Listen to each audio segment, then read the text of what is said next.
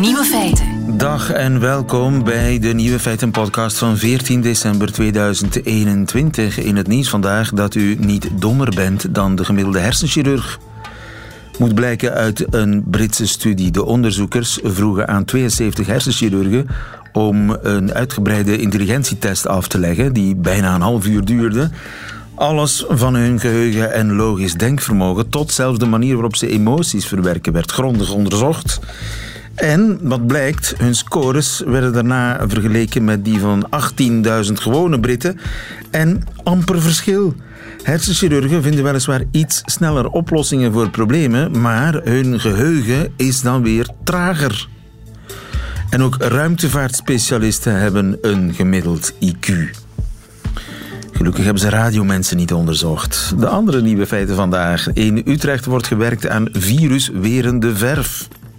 Het aantal religieuze gemeenschappen in Nederland is op tien jaar tijd verdubbeld. Honden dragen sterk bij tot het levensgeluk van mensen met autisme. En de bedenker van de fake complottheorie dat vogels niet echt zijn, komt uit de kast als bedenker van een fake complottheorie. De nieuwe feiten van Nico Dijkshoorn, die hoort u in zijn middagjournaal. Veel plezier. Nieuwe feiten. Radio 1. Er is een manier om virussen te bestrijden die nog te weinig is geëxploreerd, vinden ze aan de Universiteit van Utrecht. Met name verf. Bert Wekhuizen, goedemiddag. Goedemiddag. Uh, jij werkt aan de Universiteit van uh, Utrecht en ja. jij werkt er aan viruswerende verf. Wel, we werken aan veel dingen, maar we werken ook aan viruswerende verf. En Hoe kan idee... verf nu virussen mogelijkerwijs weren? Wel, Kijk, op dit moment hebben we verf en wat die doet is eigenlijk, die geeft eigenlijk een beschermlaag aan je ja, hout of aan je muur of iets anders. En wat je wil doen is je wil eigenlijk functies in die verf brengen. Je wilt eigenlijk zorgen dat die iets anders doet dan alleen maar beschermen, kleur geven. En het idee is om uh, ervoor te zorgen dat er uh, in die verf een materiaal zit dat virus- of bacteriedeeltjes kan afbreken.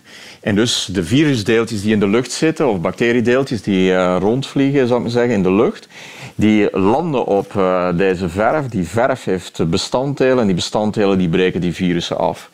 En daar zijn we mee aan de slag. En dat uh, begint wat te lukken. We zijn er nog niet, maar uh, we hebben de eerste stappen gezet.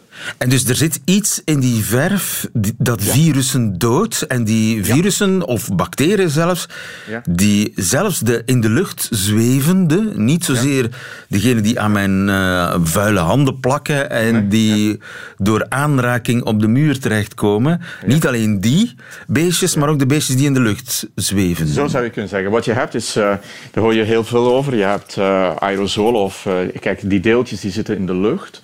Die deeltjes die kunnen ook, die botsen eigenlijk ook, uh, of die luchtdeeltjes die botsen ook tegen de muur. Als je die muur dan hebt met die verf. En wat we hebben gedaan is, we hebben eigenlijk bepaalde uh, deeltjes, bestanddelen van verf, of van, van, van mogelijk nieuwe verf, die hebben we getest en daar hebben we gekeken of dat die in staat zijn om COVID-19 deeltjes af te breken. We hebben dat samen gedaan met het ziekenhuis in Utrecht, waar we uh, de, mogelijkheid hadden om die COVID-19 virusdeeltjes te hebben.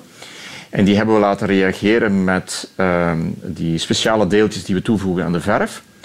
En met licht, en dat is denk ik ook heel belangrijk. We willen dus gebruik maken niet van uh, UV-zonlicht van buiten, maar we willen echt gebruik maken van LED of ja, interieurverlichting, zodat je eigenlijk dus binnen je, je, je interieur, in je, in je kamer, in je werkkamer, in je, dat je dus verf hebt die dat in staat is om te doen. En we zijn er licht, dus er al... moet een lamp ja. op schijnen ook op Ja, verf. dat wel. We hebben wel, uh, uh, maar goed, ik ga ervan uit dat het, dus als, als het in de donkere, als je uh, het licht uitdoet, dan gaat het niet dan werken. werkt het dus niet. Het is echt wel, nee, het is echt wel zo dat je, maar het is, belangrijk is, je hoeft geen zonlicht te hebben. Je hebt dus gewoon licht, zichtbaar licht, dat dus eigenlijk kleur geeft en dan werkt het. Ja, en dus die eerste testen die zijn vrij positief. Maar je zegt, we zijn er ja. nog niet. Het lukt nog niet helemaal.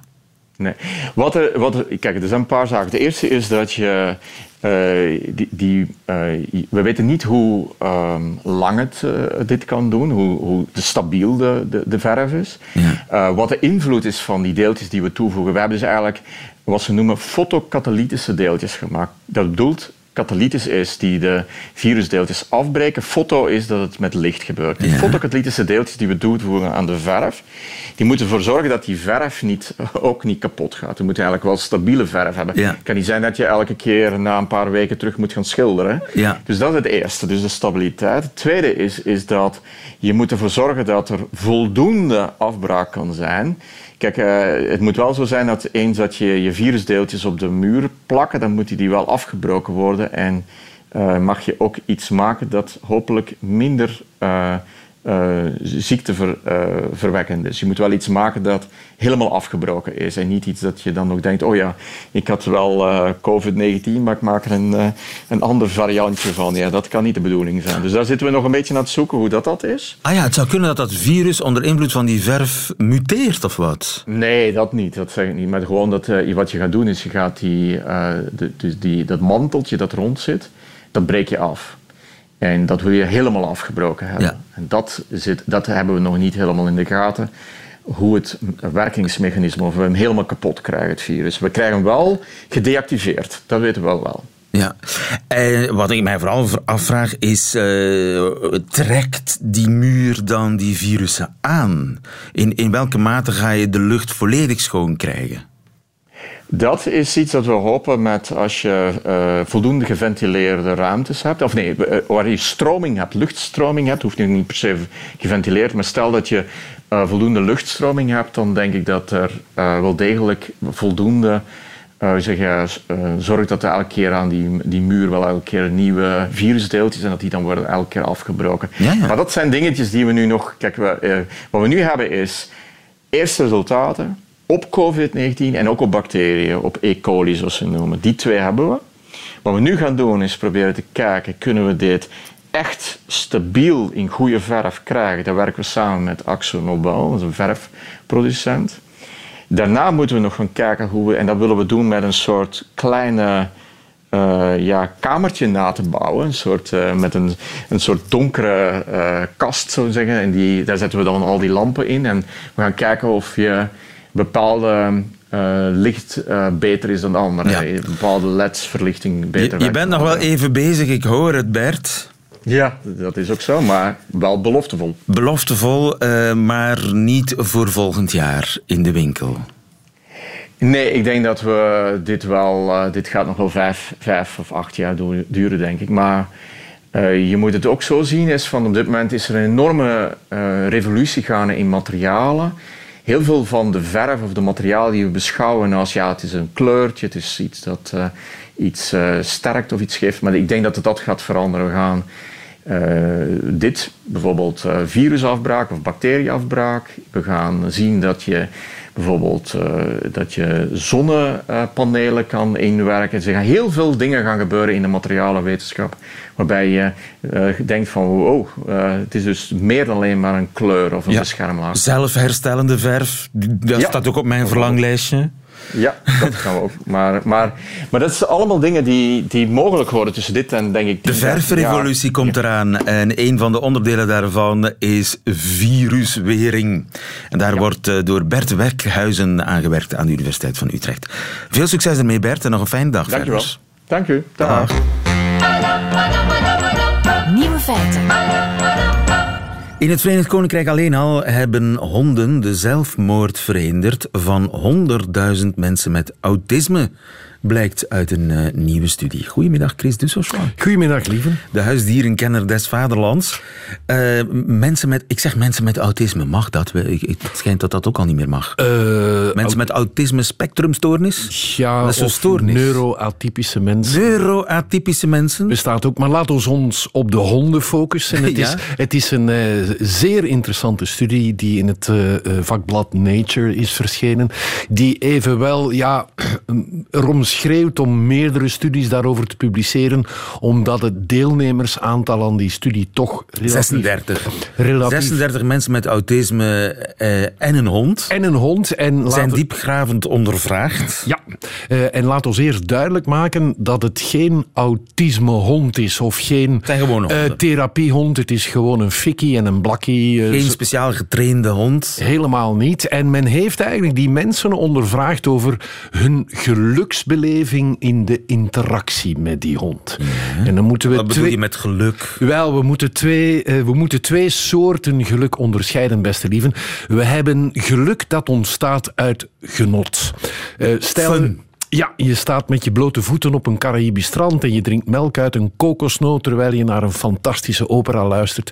Genot. Dan ben je aan het genieten en dat maakt jou gelukkig. Maar er is ook een ander, en je zou dat misschien zelfs diepgaander geluk kunnen noemen, namelijk het geluk dat jou zin geeft, dat iets betekenisvol maakt. Levensvervulling. Stel, jij mag eh, net hoofd worden van Radio 1 Oh. en daar droom je al je hele leven van. Ja, dan, dan heb je dat soort geluk. Je-? Je, wordt vader of je wordt, eh, je wordt partner of je krijgt een nieuwe kans. Ja, dat, het geluk dat daar ontstaat, tevredenheid. voilà, heeft niks met genot te maken, maar eerder met zingeving. En dus die hond doet iets met zowel het genot als met de levensvervulling van mensen met autisme. Ja, eh, we weten uit eerdere studies, want er zijn heel veel studies gepubliceerd waarin de positieve effecten van honden op hun bazen duidelijk is gemaakt. hè. We weten dat ze gezonder leven, dat ze minder snel hartaanvallen krijgen omdat ze ermee gaan wandelen. Eh, maar eh, in deze studie kwam zeer verwonderlijk naar boven dat mensen niet alleen genieten van die hond omdat ze ermee gaan wandelen of omdat hij vrolijk kwispelt of elke dag eh, ja, zotte toeren uithaalt. Maar eh, daar komt ook verwonderlijk naar boven dat die hond hen zin geeft. En wat doet die hond dan? Wel, ehm, Met die mensen, eh, je, je, moet, je, bijvoorbeeld. je moet je voorstellen dat mensen met een autisme-spectrumstoornis een aan- tegen een aantal dingen opzien. Bijvoorbeeld, ik moet naar de winkel, daar ben ik niet graag, want er zijn een heleboel mensen. Ik moet door het park, dat doe ik niet graag, want er zijn een heleboel mensen. En die hond faciliteert dat. Eh, Die hond zorgt er bijvoorbeeld ook voor dat contacten met andere mensen, waar ze normaal gezien toch een beetje schrik van hebben, ja, dat dat bijna als vanzelf gaat. En wat, eh, eh, wat ze ook ervaren, en dan komen we terug naar jouw inleiding, en dat is toch wel een hele straffe stelling, dat de honden in Groot-Brittannië meer dan 100.000 zelfmoorden van eh, mensen met autisme zouden Ja. hebben verhinderd. Maar ik vroeg eigenlijk, hoe doet die hond dat? Dus eh, faciliteert contact, geeft hij ook structuur aan. Bijvoorbeeld, ja, zo'n hond eh, eh, en mensen met autisme die hebben net structuur nodig. Ja, zo'n hond die moet op gepaste tijdstippen, die moet naar buiten, die moet zijn plasje kunnen maken of meer. Die moet, die moet eten en zo. Dus die, hond brengt structuur. Dat zullen mensen die in de, in de lockdown zaten met een huisdier, zullen dat heel goed herkennen. Je hebt niks meer van contacten, alles lijkt soep te worden eh, of brei, maar die hond die zorgt ervoor Ja. dat er structuur En hij is altijd blij. Honden zijn altijd enthousiast. Voilà, en honden oordelen ook nooit. Honden zullen nooit zeggen: jij hebt een autisme-spectrumstoornis en jij bent tussen aanhalingstekens normaal. Dat kan die honden allemaal niks schelen. Dus we zien dat eigenlijk de simpele aanwezigheid van die hond, de blijdschap van de hond, die onuitputtelijke liefde van die hond, die verhoogt het geluk niet aan de kant genot, want dat doen niet enkel aan de kant genot, maar vooral ook aan de kant zingeving. Ja. En dat is dat Die is hond heel- heeft je ook nodig. Voilà. En dat is een van de factoren die die mensen ervan weerhoudt om domme dingen te doen. Omdat ze zeggen, ja, als ik er niet meer ben, dan zal er niemand voor die hond zorgen. Die hond heeft mij nodig. En dat geeft hen geluk aan de kant, niet van het genot, maar aan de kant van de zingeving. En weerhoudt hem er, eh, hen er inderdaad van om ja, domme dingen te gaan doen. En dat is, ja, dat is echt wel een hele, straffe, een hele straffe ontdekking. En het cijfer dat erop wordt geplakt is misschien wel duizelingwekkend en misschien wel wat overdreven, maar het, schreeuwt eigenlijk om meerdere onderzoeken om aan te tonen wat die honden allemaal kunnen. En het onderschrijft nog maar eens, lieve, als ik nog even een klein uitstapje mag maken naar wat alle assistentiehonden doen met hun bazen. Kijk, een blindgeleide hond of een assistentiehond, die doet een aantal praktische dingen. Die brengt de baas van uh, huis naar de bakker, die geeft gevallen zaken aan. Maar wat die honden ook uitdrukkelijk doen, is die mensen uit hun sociaal isolement halen. Mensen die met een witte wandelstok over straat lopen, die worden niet spontaan aangesproken. Loop je met een kwispelende golden retriever over straat, dan word je door God en alle man afgesproken. En zo zie je dat ze eigenlijk, zelfs de simpele huistuin- en keukenhonden, de fikkies en de blakkies, die doen fantastische dingen. Ja, Lassie zal nogal jaloers zijn. Amai. Dankjewel, Chris Dusserswaard.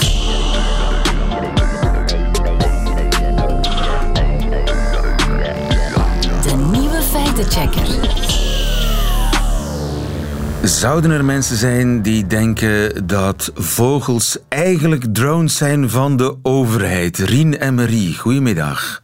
Goedemiddag. Dat schijnt de meest recente complottheorie te zijn. Vogels zijn niet echt, maar eigenlijk drones van de overheid.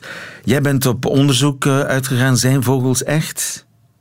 Vogels zijn wel degelijk echt. Maar je hebt gelijk, er zijn grote accounts op sociale media en er is een website, Birds Aren't Real. En die hebben uh, tienduizenden, honderdduizenden volgers.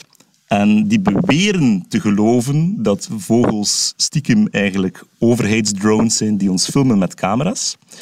Maar ze geloven dat niet echt. Het is een soort valse complottheorie.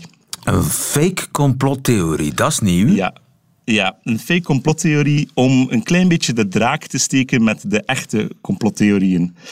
Um, Wie zit dus, daarachter? Ja, wie zit daarachter? Het is een, jonge man, uh, een jonge twintiger uit Tennessee in de VS. Peter McIndoe heet hij.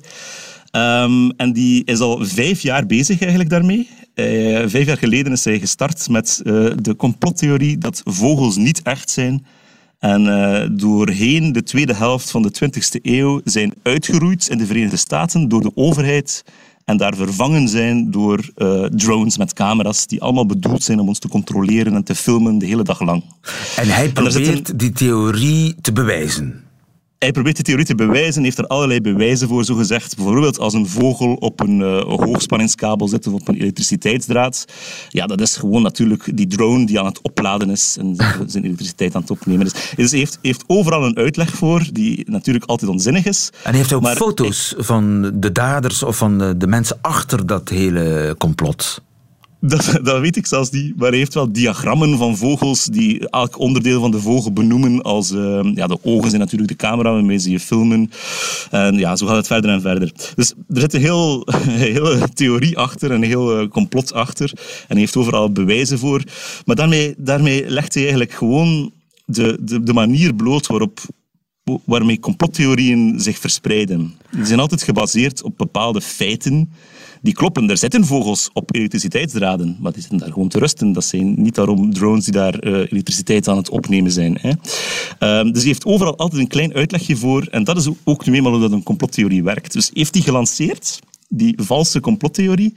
En dus al die honderdduizenden vogels die hij vergaard heeft, die, die, zijn wel, die, die, die snappen dat het een grap is. Uh, die, die hebben dat wel door. Maar het is al vier jaar lang, vijf jaar lang, dat hij het typetje volhoudt dat hij echt gelooft dat vogels vervangen zijn door drones. En hij wordt ook opgevoerd in talkshows en zo. Ja, ja, ja. Hij rijdt rond in een busje waarop staat Birds aren't real in grote letters op de zijkant. Er zijn zo van die vogelwerende spikes op het dak, dat er zeker geen, geen duiven kunnen landen op zijn dak.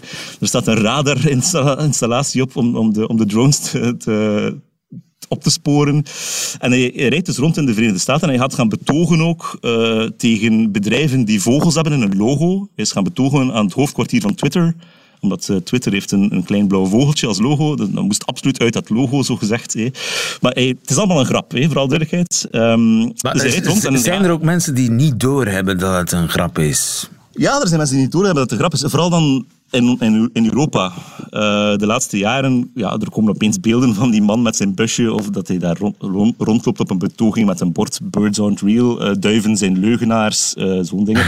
En dan die, die, als die uit context naar ons komen, ook bij ons denken mensen van, Jesus, wat, waar geloven ze nu weer in? Hè? Maar dat is natuurlijk wel een teken van deze tijd, dat, het, dat sommige mensen echt geloven dat het zou kunnen, dat er andere mensen geloven dat vogels niet echt zijn. Ehm, en dat is een beetje heel het punt van zijn, van zijn grappen die hij al vier jaar aanhoudt. Hè. En hij, komt hij probeert ermee in de aandacht te komen ook. Hij koopt grote reclameborden op in steden en de lokale media komt hem dan interviewen, minutenlang. En dan houdt hij echt vol dat hij echt gelooft dat vogels uh, overheidsdrones zijn. Uh, en als ze hem vragen van, is het een grap? Zegt hij, nee, het is geen grap. Maar nu recent wil hij toch uit de kast komen en duidelijk maken van kijk, ik ben al jaren bezig met dit, dit te doen, expres, ja, opzettelijk, om mensen te wijzen op de, ja, de, de ongeloofwaardigheid van sommige dingen die ze geloven. Ja, want de stap um, eigenlijk tussen zijn theorie en die van QAnon is eigenlijk niet eens zo groot, hè? Nee, nee, nee. Je kan zeggen van ja, kan je nu geloven dat er mensen denken dat, dat vogels vervangen zijn door drones? Maar er zijn heel veel heel gekke dingen die mensen geloven die niet zoveel verschillen daarvan. Hè. Mensen geloven dat uh, de CIA ervoor zorgt dat vliegtuigen chemicaliën over ons uitsproeien om, ons, uh, om, onze, om onze mind te, te, controleren. Uh, de chemtrails heet dat. Hè. De mensen geloven dat ook echt. heel de QAnon, heel de QAnon-beweging tijdens het presidentschap van Trump kwam er een, een, nieuwe complottheorie op. Ongeveer tegelijkertijd trouwens met Birds on Real. maar die oprecht was, waarbij ja, er werd beweerd dat er een bepaalde hooggeplaatste militair was met Q-clearance, een bepaalde veiligheidsclearance, die allerlei tips op eh, sociale media aan het verspreiden was over wat er echt aan de hand was en hoe, dat president Trump heimelijk aan het strijden was tegen de deep state en tegen allerlei pedofiele elites. Um, een hele grote complottheorie die, die echt honderdduizenden aanhangers heeft verzameld. Uh, die echt geloofden dat wat er allemaal in stond echt was. Um, en dingen die soms veel buitennissiger waren nog dan, dan Birds Aren't Real. Ja. Maar ja, die Birds Birds Aren't Real, dat is een heel raar fenomeen in de zin van, het zijn vooral jongeren die daarin geloven. En ze doen het een beetje om om te kunnen met het fenomeen dat er zoveel andere mensen van hun eigen leeftijd en ook uh, ouder geloven in zo'n complottheorieën. Het is een soort uitlaatklep om je frustratie te uiten over mensen die geloven in complotten. Maar ook gewoon, ja, mensen zijn gewoon sowieso van nature in, in mysterie geïnteresseerd en grote dingen, die, heimelijke dingen die achter de schermen gebeuren. Dat is super interessant om daarover na te denken.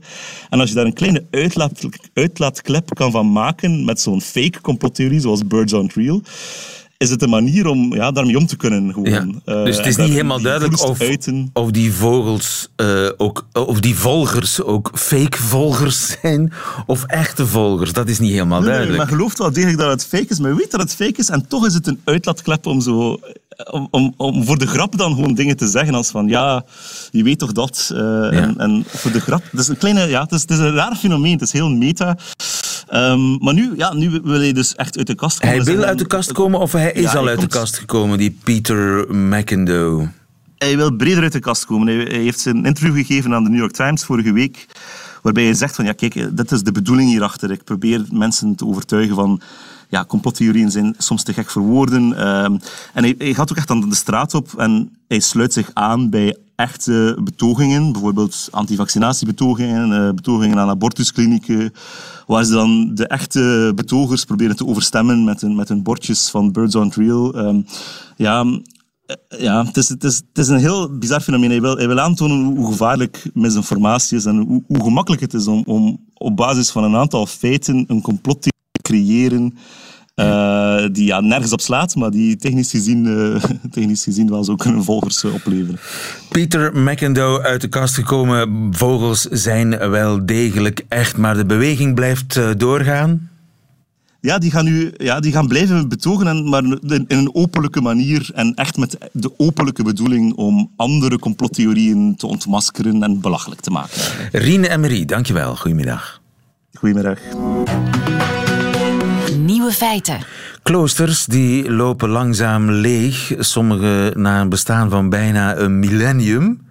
Maar in Nederland is het aantal religieuze woongroepen verdubbeld op tien jaar tijd. Johannes van den Akker, goedemiddag. Goedemiddag. Johannes, jij woont in zo'n woongroep. Is dat een soort van klooster?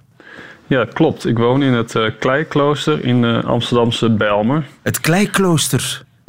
Ja. Wat is daar klei aan? Nou, dat heeft te maken met de naam uh, van het flatgebouw waar we in zitten. De flat heet Kleiburg. en daarom heten wij Kleiklooster. En wij zijn een gemeenschap met iets van negen appartementen die we bij elkaar hebben gekocht en samengevoegd tot een gemeenschap. Dus samengevoegd muren ingeklopt. Nou, we hebben eigenlijk eh, een iets eh, handigere manier. Ja, we hebben deels eh, woningen samengevoegd, dus muren doorgebroken om een grotere gemeenschapshuis eigenlijk te maken. Dus het kloosterhuis, het centrale deel, waar we dakloze gezinnen opvangen, waar we een kapel hebben en waar een grote eettafel staat om samen te eten. Dat waren oorspronkelijk drie appartementen, die hebben we tot één samengevoegd. Oké. Eh, en daarnaast hebben we zeg maar, aan de balkonzijde, aan onze achterkant, zeg maar, heb je normaal gesproken schotten tussen jou en je buren. En die hebben we allemaal weggehaald. Waardoor we eigenlijk een soort lange kloostergang hebben gecreëerd en op die manier bij elkaar in huis kunnen komen. Het is een religieuze gemeenschap. En eh, tot welke eh, ja, obedientie horen jullie? Is dat katholiek, christelijk, protestants, eh, ge- gereformeerd? Hoe heet het allemaal? Ja, goede vraag. Het, het is eigenlijk een mix. Weet jullie het zelf Dus, niet? nee, het is een, het is een mix. Dus, dus er gaan mensen naar een Lutherse kerk, er gaan mensen naar een katholieke kerk, naar iets meer gereformeerd.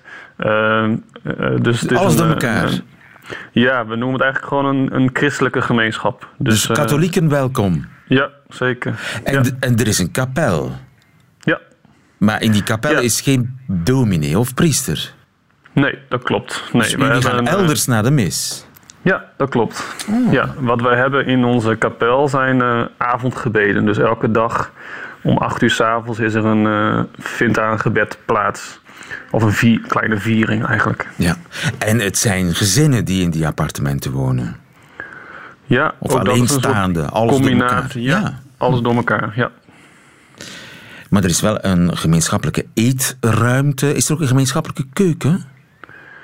ja, in die ruimte is ook een gemeenschappelijke keuken die zowel door de gasten die wij opvangen eh, als door onszelf wordt gebruikt. Maar in onze eigen appartementen zijn ook keukens. Dus het is niet allemaal gedeeld. Ja. En hoe ben je zelf ingetreden, als ik dat zo mag noemen? Op welke manier? Nou Ja. ja, ik, ik, ik, ja, ik heb eigenlijk deze plek bedacht. Oh, je, Dus, je bent eh, ermee begonnen. Ja, precies. En Eh, hoe ben je ermee begonnen? Hoe, hoe kwam het idee om, om zo... Om, weet je, ik sticht een klooster. Ja, ja, daar was ik niet, eh, zo was ik niet geboren met dat idee. Maar ehm, nee, het is, het is een manier. Ik, ik zocht een manier om, om eigenlijk mijn geloof gewoon vorm te geven en praktisch te maken. Dus ik dacht, al die mooie termen als barmhartigheid en gastvrijheid, die ik dan in de Bijbel lees en die ik belangrijk vind.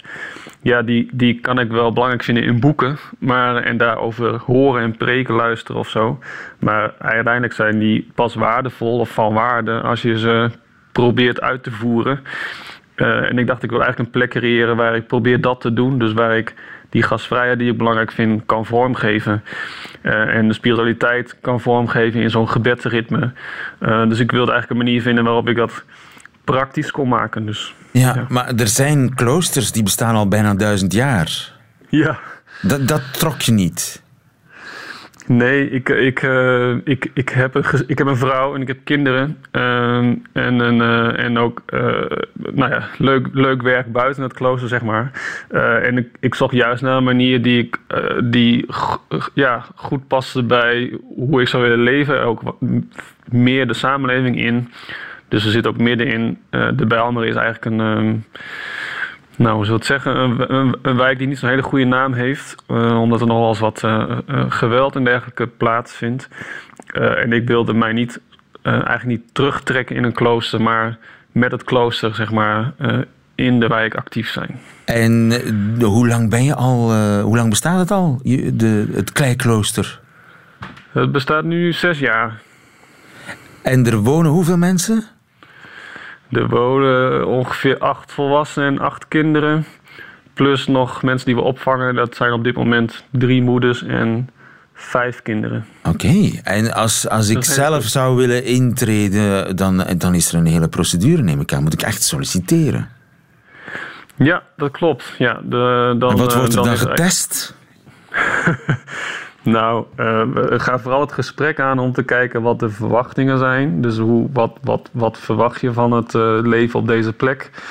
Eh, op welke manier wil je geloof vormgeven? Hoe spreek je daar ook over? vinden we elkaar zeg maar, in dezelfde Ja. taal. Wat En eigenlijk, moet je dingen echt geloven? Moet je geloven in het hiernamaals bijvoorbeeld? Of geloven dat God een, een persoon is ergens op een onbekende plaats? Nou, eh, het hiernamaals valt niet per se in het rijtje zeg maar, wat je moet geloven. We hebben dus niet een soort beleidnis waaraan je moet eh, conformeren. Maar ehm, we, we hebben wel, zeg maar, het is een duidelijke ehm, eh, christelijke plek. En in de kapel wordt gebeden naar God, naar Jezus en de Heilige Geest. En dan is wel het idee dat de mensen die bij ons wonen ook geloven dat dat bestaat. Ja. Dat zij bestaan. Maar hoe ze dat invullen, dat is een beetje... Dat mag variëren. Ja, ja. Eh, eh, op tien jaar tijd zijn dit soort woongroepen in aantal verdubbeld in Nederland. Is dat iets typisch Nederlands? Zo'n zo'n ja, 2.0 klooster, zeg maar? Ja, dat is wel een goede vraag. Ehm, nou ja, het is, eh, het, het nou vooral in, in Nederland duidelijk een, een, een, een groeiende trend. En, en, en een beetje op diezelfde motivatie als waarop ik het begonnen ben. Dus dat je steeds meer eh, mensen ja, niet helemaal senang voelen bij de kerk. En tegelijk wel hun geloof belangrijk vinden. En een manier zoeken om dat vorm te geven. En dan zijn gemeenschappen daar een hele ja, tastbare en zichtbare manier van. Om dat, eh, en concreet ook om dat te doen. Dus die beweging zie je heel erg. Ja. Ehm, Maar heb jij weet van veel groepen in Vlaanderen? Nee, ik weet wel zeg maar, dat van eh, de ARC-gemeenschappen, van eh, Jean Vanier bijvoorbeeld, zijn er een aantal in, eh, in Vlaanderen. Ehm, maar de, de, de, het zijn er volgens mij een stuk minder. En, en deels denk ik wel dat de beweging zoals die nu in Nederland is, is behoorlijk eh protestants van aard. Ja. Ehm, ja, en, en, en, en ehm, Vlaanderen is toch eh, een stukje katholieker zeg maar, dan Ja. protestant. Protestanten die komen bij ons eh, veel, veel en veel minder voor dan eh, in Nederland, uiteraard. Het, een soort modern Begijnhof, Ja, eigenlijk. precies. Precies, ja. En dat is een, een traditie die heel erg past bij de lage landen. Johannes van den Akker, hoe lang ga je nog klooster? Ben je, ben je dan een soort abt? Ja, dat ben ik inderdaad. Ja, Ze, je- ze noemen jou abt. ja, ja. Wauw. En komt er dan ook een portret in de gang? Want dat, dat heb je in kloosters, hè? dat er dan een portret Oh, nee, van de nee, nee, abt dat. Dat, dat, komt er niet. Johannes van den Akker, ga je je hele leven abt blijven? Ik, dat, ik hoop het wel, maar abt niet per se, maar wel eh, hoop ik dat ik eh, mijn leven lang in het klooster blijf wonen. Ja. Johannes eh, van den Akker, abt van het Kleiklooster in de Bijlmer in Amsterdam. Dankjewel voor dit gesprek en nog een fijne dag verder. Graag gedaan. Nieuwe feiten. En voilà, dat waren ze. De nieuwe feiten van 14 december 2021. Alleen nog die van Nico Dijkshoorn krijgt u nu in zijn middagjournaal. Nieuwe feiten. Middagjournaal. Beste luisteraars, hier in Nederland gaat het fantastisch. Want Max Verstappen, de in uw land geboren inwoner van Monaco, is wereldkampioen geworden met autoracen. En we hadden het zo nodig. Groenten smaken opeens veel beter. Ik werd vanochtend wakker met allemaal nieuw haar op mijn hoofd. Er belde een onbekende man aan die vroeg of hij mijn hond mocht uitlaten. En ik heb helemaal geen hond, maar toch gaf ik toestemming. De vaatwasser had zichzelf uitgeruimd en nu is er nooit meer corona of honger in de wereld. Blijkbaar bestaat er na bijna twee jaar relatieve afzondering behoefte om te hossen en te dansen. Het maakt niet zoveel uit waarom. Van een boekje over de oudste dochter van onze koning zijn in een paar weken tijd 200.000 exemplaren verkocht. De korte inhoud van dit werkje, ze is heel gewoon gebleven. Amalia, want zo heet ze, urineert zelfstandig, houdt van de natuur. En dat is het eigenlijk wel zo'n beetje. Maar wat maakt het uit? Het is genoeg. Max is wereldkampioen en we hebben de leukste dochter van een koning ooit. Naar buiten de straat op. Dag corona, welkom onbekommerd zwelgen in kortstondig geluk. Ik weet niet hoe het er bij u aan toe gaat, maar Nederlanders grijpen momenteel alles aan om iets te vieren. Een week geleden liep heel Schiedam uit omdat Beppie van der Sande voor het eerst mosselen had durven eten. Feest. In Eindhoven kwam het tot ongeregeldheden bij de massale viering van de gloeilamp. Het bestaat al een tijdje, maar wat maakt het uit? In Boskoop is er nu een vijfdaags feest omdat Theo Louvendi van de Dapperstraat 3 een nieuwe jas heeft gekocht. De overwinning van Max Verstappen wordt hier gevierd alsof in 1945 de Canadezen kauwgom uitdelen aan de uitgehongerde bevolking. Toch maar even de feiten op een rijtje. Max won omdat een andere coureur zijn auto aan stukken reed en door een discutabele beslissing van de wedstrijdleiding. Maar wat maakt het uit?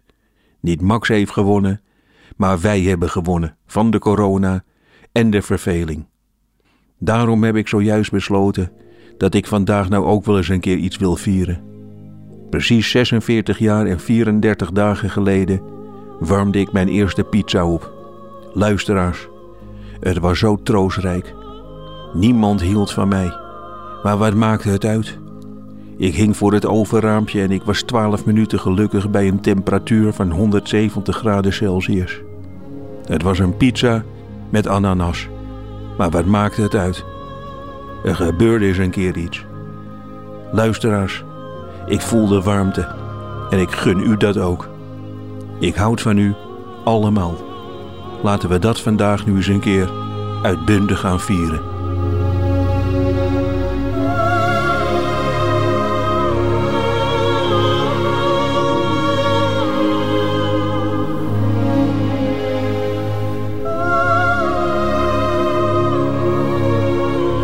Dijkshoorn heeft heel wat te vieren vandaag. Einde van deze podcast. Hoort u liever de volledige uitzending met de muziek erbij? Dat kan natuurlijk on demand via de Radio 1 website of de Radio 1 app. Of gewoon live elke werkdag tussen 12 en 1 op Radio 1. Tot